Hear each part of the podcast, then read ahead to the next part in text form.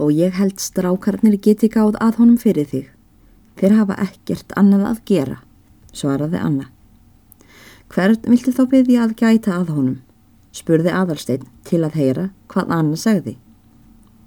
Og ég held hann bjarni þarna sér réttur til þess, svaraði Anna brósandi um leið og hún benti á bjarna. Ég þakka þér fyrir drós mín, skipað gæti ég, væri mér hlít, var óðara svarið hjá bjarna. Þú gerir það fyrir mig, Bjarni minn, að gá að hestinum hann steina, sagði nú yngvar hóvarlega við bróður sinn. Það er annað mál, svaraði Bjarni. Ég kann að gera það fyrir þig og steina, en ekki fyrir stelpuna hana önnu, og leit nú Bjarni hortnöga til sýstur sinnar. Já, já, ertu nokkuð mikill maður núna, sagði Anna, honum til refsingar fyrir tilsvarið og augnaráðuð. Nú kom Sigurbjörg húsfreyja inn í þessu og sleit við það tali barnanna. Hvað hugsaðu um þessa austurferðina, steini minn? segir nú Sigurbjörg. Hvena er ætlarðu að leggja upp? Í túnasláttulokin held ég, svarði hann, eða þá snemma á engjaslætti. Hvernig líst sér að þorgir í mig og þeim hjónunum á þetta ferðarlag? Vel, svarar hann, þau ætla að ljá mér annan hest með sörla. Þau segja, sér þykir náttúrulegt að mig langi til að finna skildfólkið. En hvað verður um samfylgd? Samfylgdina hef ég. Hún barst ófyrir séð upp í hendurnar á mér í fyrradag. Svo þú getur nærri að lánið er með, mælti aðalsteinn brosandi. Nú, svoliðis bara til að hann yngi mundur á gabli kom til okkar í fyrradag og var þá tilrætt um ferðina og var hann spurður hvort hann vissi ekki af neinum sem ég gæti orðið samferða. Hann böði sig þá óðara fram sjálfur til að ferðast með mér um tíma, hvort sem ég vildi. Hann yngi mundur. Já, hann sagðist ekki þóla að vera við slátt, hvort sem væri, og sagðist svo ekkert hafa að gera annað og ekki heldur vera maður til þess að standa við neina vinnu. Nú hvað gengur að honum, spurði yngvar. Það mun vera á geðsmununum, svaraði Sigurbjörg. Hann hefur ekki verið hraustur fyrir að undanförnu og ég frétti í vor að honum væri þó að hnigna. En ef hann leggst nú að leiðinni, mælti yngvar. Og það er ekki svo hætt við þegar þessi er sjúkdómurinn, svaraði Sigurbjörg. Hann finnur líklega maðurinn að hann hefur sjálfur best að því að hrefa sig. Ferðarlög eiga líka vel við hann og ég kalla steina heppin að hafa fengið yngimund því hann hefur víða farið og er vanur og gætinn ferðamadur. Já, þau eru ánægð með hann hjónin og hofi og þótti mér væntum þegar það gæt lagast svona, mælti aðarstein. Hann á líka hestana og ætlar að leggja sér þá til sjálfur í ferðina og þótti mér líka væntum það. Því síra Þorgrimur má ekki missa fleiri hesta en þann eina sem ég fæ. Hvert færðu? spurði yngvar. Mósa Nú þá eru sörli einsamall. Ég steinu minn, velti Sigurbjörg. Það vænti ég þú hlakkir nú til að finna þetta skild fólk þitt. Og já, því ekki það, ansaði hann.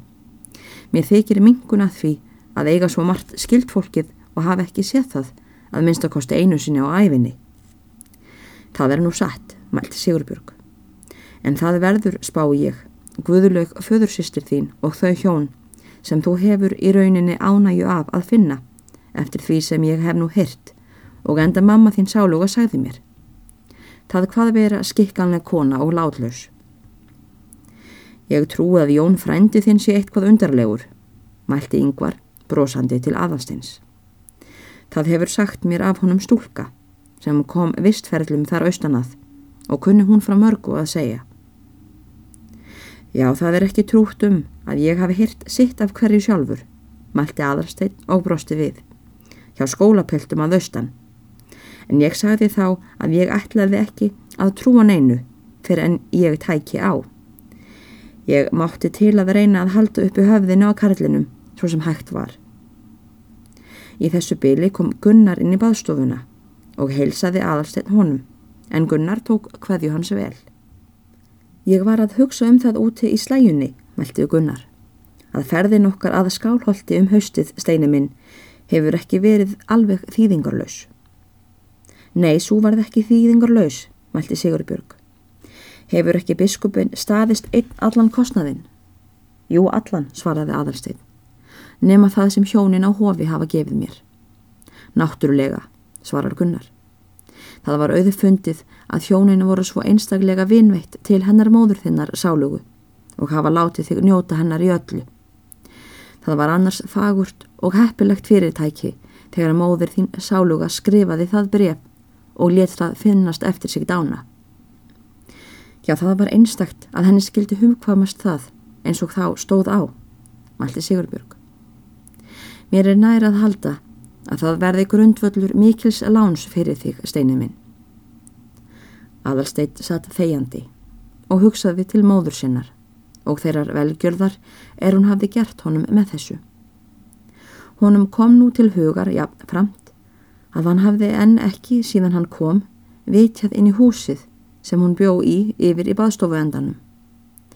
Hann fyrirvarð sig nú með sjálfum sér að hann hafði fresta þessu svo lengi og stóð hann fyrir upp og sagði nú við Sigurbjörgu í lagum róm. Er ekki húsið hinum megin opið? Nei, svarar hún, ekki sem stendur steinu minn. Ég þvoði þar inni í gergföld til þess að það væri ekki mjög óþokkalegt þegar þú kæmir. Síðan læsti ég því fyrir krökkunum svo þau færi þar ekki inn. Annars skal ég nú koma yfirum með þér. Ég þarf líka nokkuð að tala við þig einslega. Gáðu því að krakkar að hesturinn fari ekki meðan hann stendur við saði Gunnar bóndi við börn sín.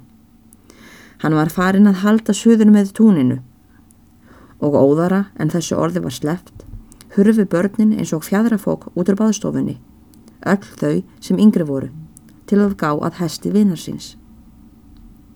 Sigurbjörg seildist upp á hillu yfir höfðalagi sínu, tók þaðan lekil er hún stakk í vasan og mælti síðan til aðalsteins.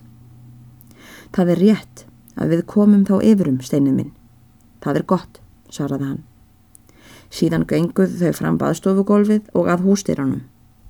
Láttu börnin ekki hafa háfaða hérna fyrir framann, góði minn, á meðan við erum inni, kallaði Sigurbjörg til mannsins frá hústýranum. Ég skal sjá um það, svaraði Gunnar.